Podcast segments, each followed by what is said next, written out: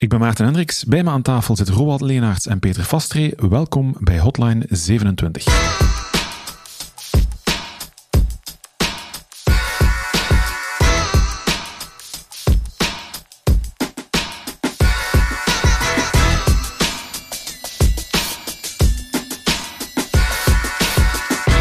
Vandaag gaan we het hebben over jobhandling.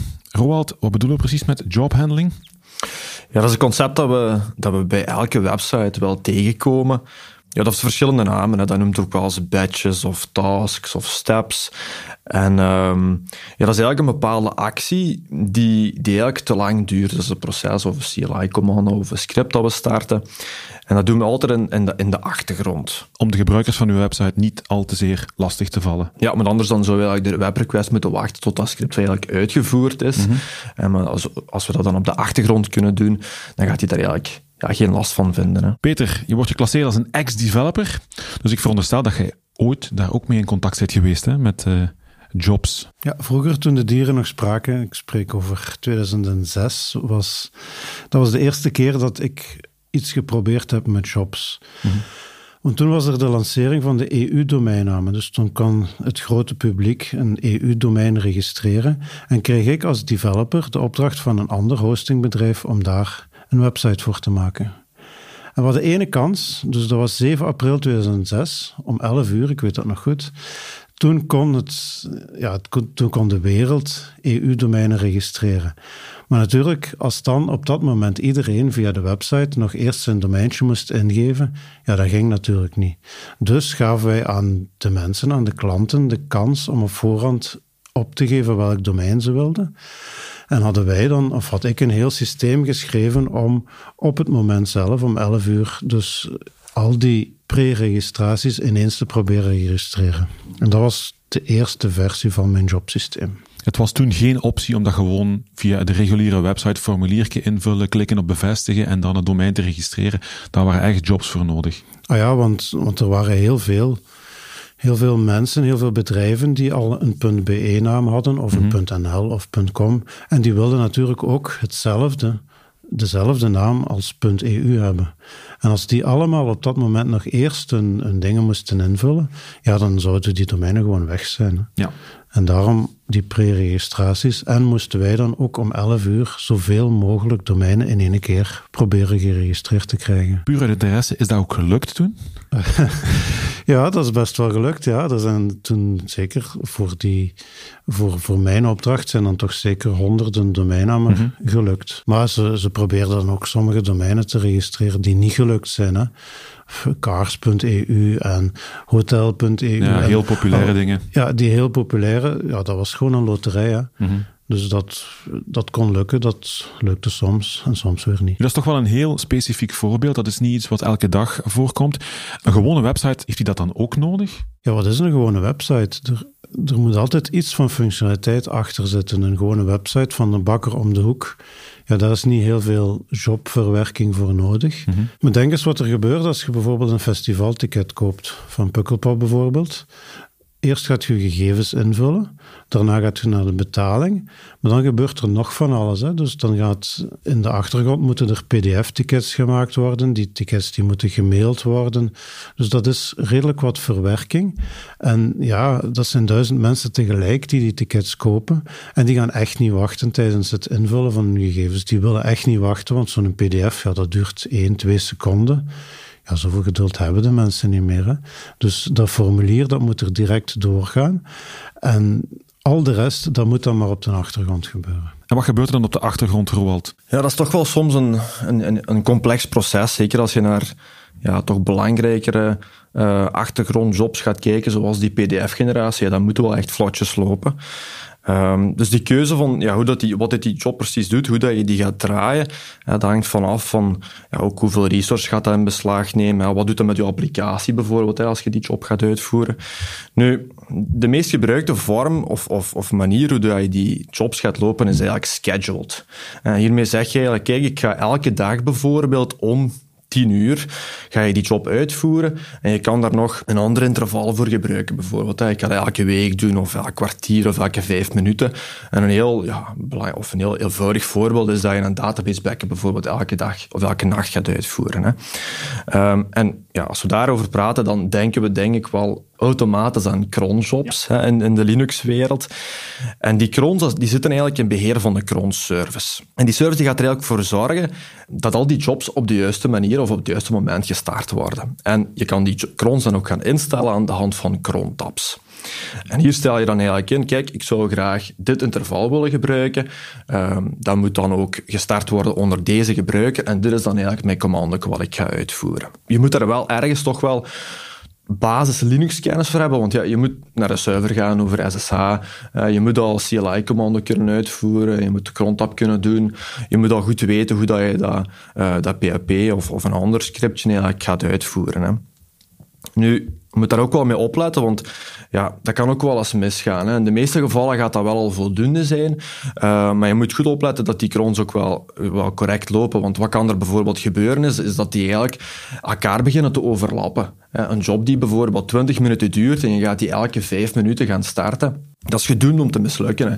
Die blijven eigenlijk opstapelen en dan uiteindelijk ja, gaat je server volledig out of memory gaan en dan gaat er eigenlijk een oomkiller misschien zelfs in gang schieten. Dat is eigenlijk, er is te veel memory in gebruikt door een bepaald proces. Ik, ik, zie dat mijn systeem geen resources meer heeft en dan gaat die zaken beginnen af te schieten. Is dat vergelijkbaar met in, in WordPress bijvoorbeeld heb je WP Crons om ook bepaalde taken uit te voeren of is dat iets anders? Ja, dat is vergelijkbaar. Het, het, het resultaat is vaak wel hetzelfde, alleen is WP Cron echt wel niet de manier hoe, dat je, hoe dat je scheduled jobs gaat uitgebreiden. Terwijl dat, terwijl dat wel echt wel de manier is hoe dat heel veel mensen dat doen. Hè. Mm want WP-Cron, dat kunnen we eigenlijk ook al niet klasseren als een scheduled job. Want die, die cron die wordt pas uitgevoerd als er effectief requesten naar de website gaat.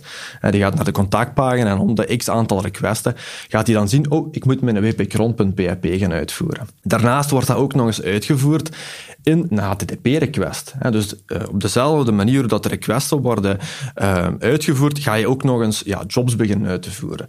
Dat is eigenlijk not done, omdat dat, ja, dat kan eigenlijk ervoor zorgen dat die website traag wordt of dat dat uh, impact gaat hebben zelfs op andere websites die op dezelfde server draaien. Dus dan gaat je als gebruiker ook kunnen merken als je, als je een beetje pech hebt dat ja, de achtergrond aan het ja, is. zeker en vast. Degene die naar de contactpagina gaat en die dan ook nog de BP-cron gaat uitvoeren, ja, die gaat sowieso al minder performantie hebben. Hè. Mhm. Ja, die scheduled taken bijvoorbeeld, hè, die, uh, is dat een oplossing, bijvoorbeeld voor die festivaltickets? Want ik ben persoonlijk heel vervelend als ik bijvoorbeeld iets bestel bij een webshop, dat ik dan een paar minuten moet wachten op mijn bevestigingsmailtje, waar bijvoorbeeld de factuur in zit. Dan denk ik, ah, verdorie, het is misgegaan. Ja, dus dat kan ook. Um, heel vaak wil je niet wachten tot dat interval eigenlijk van je cron voorbij is. Een ander voorbeeld is eigenlijk ook dat je uh, in je website bepaalde foto's gaat uploaden. En je gaat dan in de achtergrond ook wel direct daar resizes op beginnen te doen, zodat die, die foto's ook allemaal in de juiste formaat op je website terechtkomen. Het belangrijkste is echt wel dat die jobs ook wel effectief in de achtergrond komen en niet zoals de, de WordPress bijvoorbeeld, de WP-Cron, dat die in een HTTP-request... Dat is trouwens ook de reden waarom dat, uh, heel veel hostingbedrijven WP-Cron ook volledig blokkeren. Hè. Wij bijvoorbeeld ah, intern doen dat ook. Wij zorgen er eigenlijk voor dat uh, de WP-Cron nooit van buitenaf uitgevoerd kan worden. Want uh, ze beginnen daar dan uit een botnet op te hameren en dan ziet je eigenlijk de performantie van de server volledig naar onder gaan. Ehm, nu, als je er weet dat een request bijvoorbeeld, als dat ook al langer duurt dan 15 seconden, um, dan is uw gebruiker weg. En dus als oh, je een ticket koopt en je gaat een pdf-generatie doen en dat duurt 15 seconden, gegarandeerd heeft hem de browser afgesloten en is hem eigenlijk vertrokken. Dus je moet eigenlijk de gebruiker altijd ervoor zorgen dat hij controle heeft over wat hij aan het doen is. Ik maak mijn ticket aan, ik laat mooi zien aan die gebruiker, kijk, we hebben uw bestelling ontvangen, we gaan uw pdf kunnen opsturen. En dan ga je eigenlijk al naar het volgende scherm en dan kan je nog zeggen van ah, de pdf is klaar, dat je hem een notificatie gaat geven. Dat je op die manier hem toch wel echt laat zien al ten alle tijden wat er aan het gebeuren is. Ja, het is dus heel belangrijk dat gebruikers te zien krijgen, kijk, alles loopt hier goed. Ja. En dan gaan jullie in de achtergrond een aantal administratieve taken uitvoeren, zoals bijvoorbeeld de tickets in PDF-formaat genereren. Ja, en dat kan je dan eigenlijk wel ook meerdere keren na elkaar doen, uit, er 10 of 20. Maar natuurlijk, naarmate dat er meer background jobs komen, wordt het natuurlijk wel complexer en complexer. Ik wou net zeggen, een, een pizzaverkoop voor, voor 20, 30 man, dat is doenbaar. Maar de ticketverkoop van Pukkelpop bijvoorbeeld, hoe weet zo'n een, een, proces of zo'n worker wat hij wanneer moet uitvoeren? In het verleden moesten daar heel creatief voor zijn, want er was geen software, dus we moesten alles zelf dus Peter heeft dat zelf opgelost? ja, ook mijn, mijn domeinregistratiesysteem van 2006 bijvoorbeeld, mhm. daar had ik een heel primitieve database-tabel waarin ik elke job schreef. Dus als iemand een domein registreerde, dan schreef ik daar de domeinnaam in, de klant, de naam en wanneer die dan geregistreerd zou mogen worden. Bijvoorbeeld om 11 uur, die, die, die specifieke dag. En dan had ik heel veel jobworkers klaarstaan. Dus dat waren in die tijd .NET-processen, maar dat kan even goed PHP of Java of Python zijn. En die processen die stonden daar, die stonden daar maar gewoon te wachten. Wat deden die? Elke seconde gingen die in de database kijken, heb ik een job klaarstaan?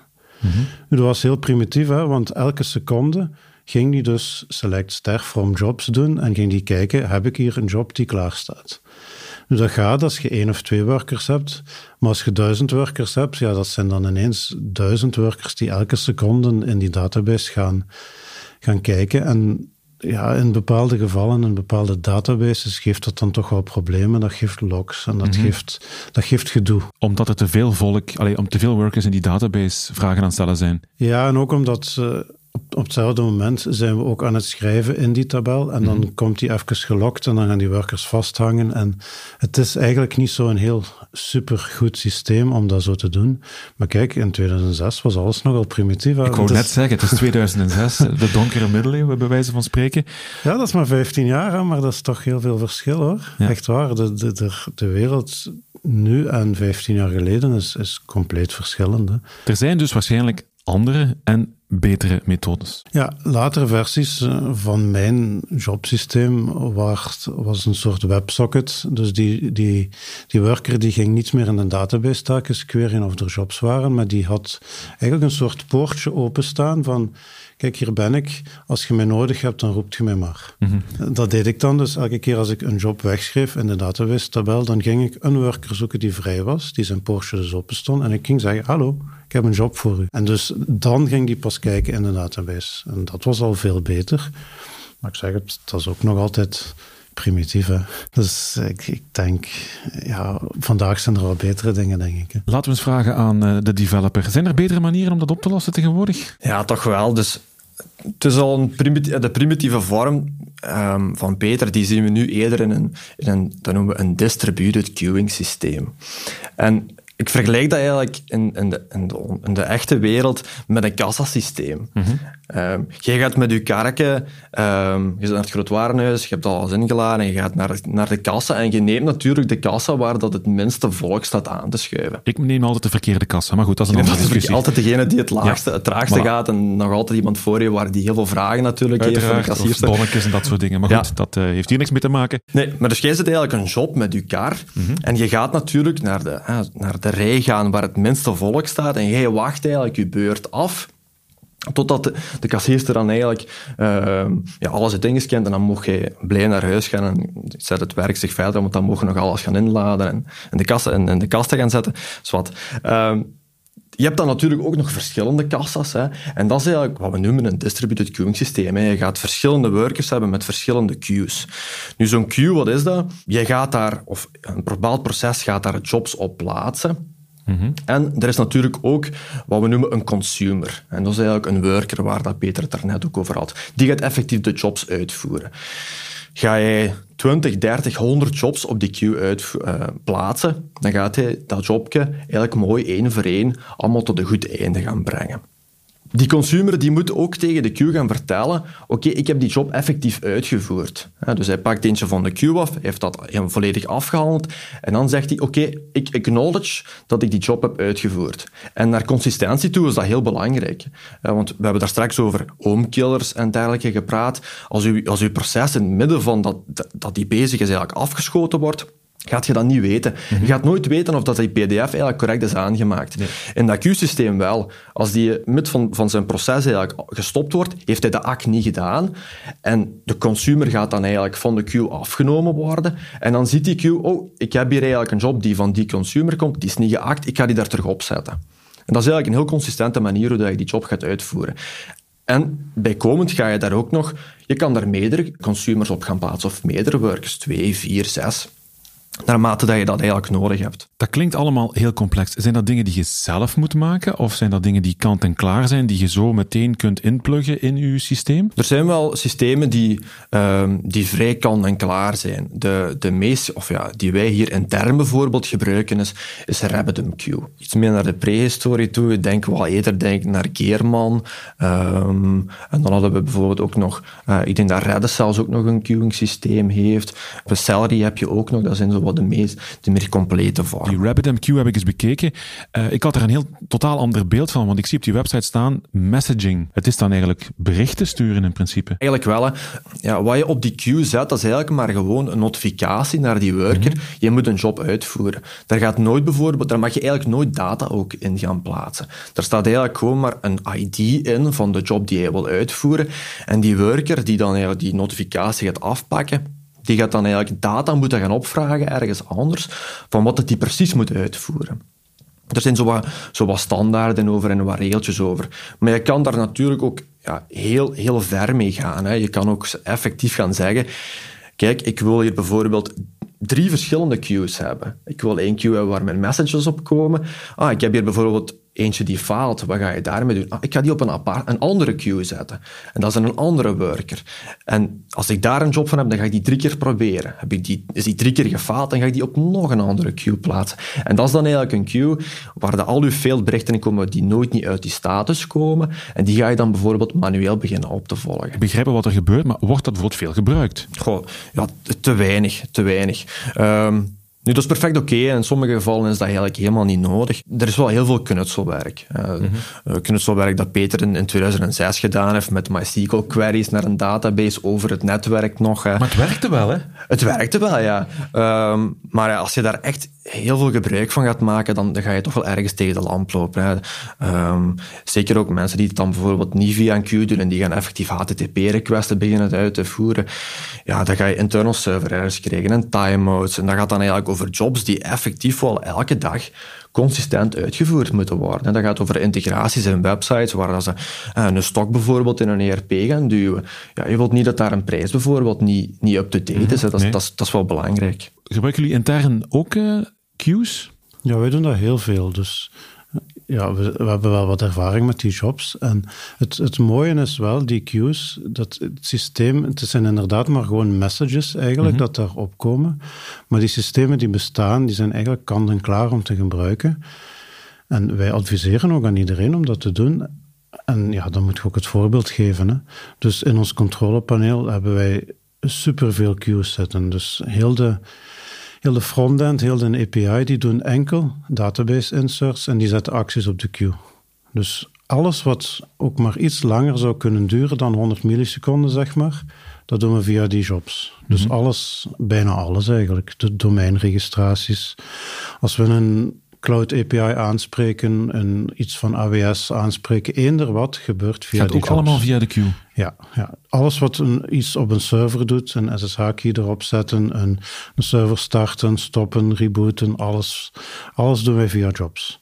Nu, ik weet wel dat het complexer is, maar als je, ja, de klant is veel eisend, hè? dus als je iets in een controlepaneel doet en dat duurt langer dan ik zeg maar een seconde, ja, dan zijn klanten boos. En we willen geen boze klanten. Hè. Of zijn ze weg, nog erger?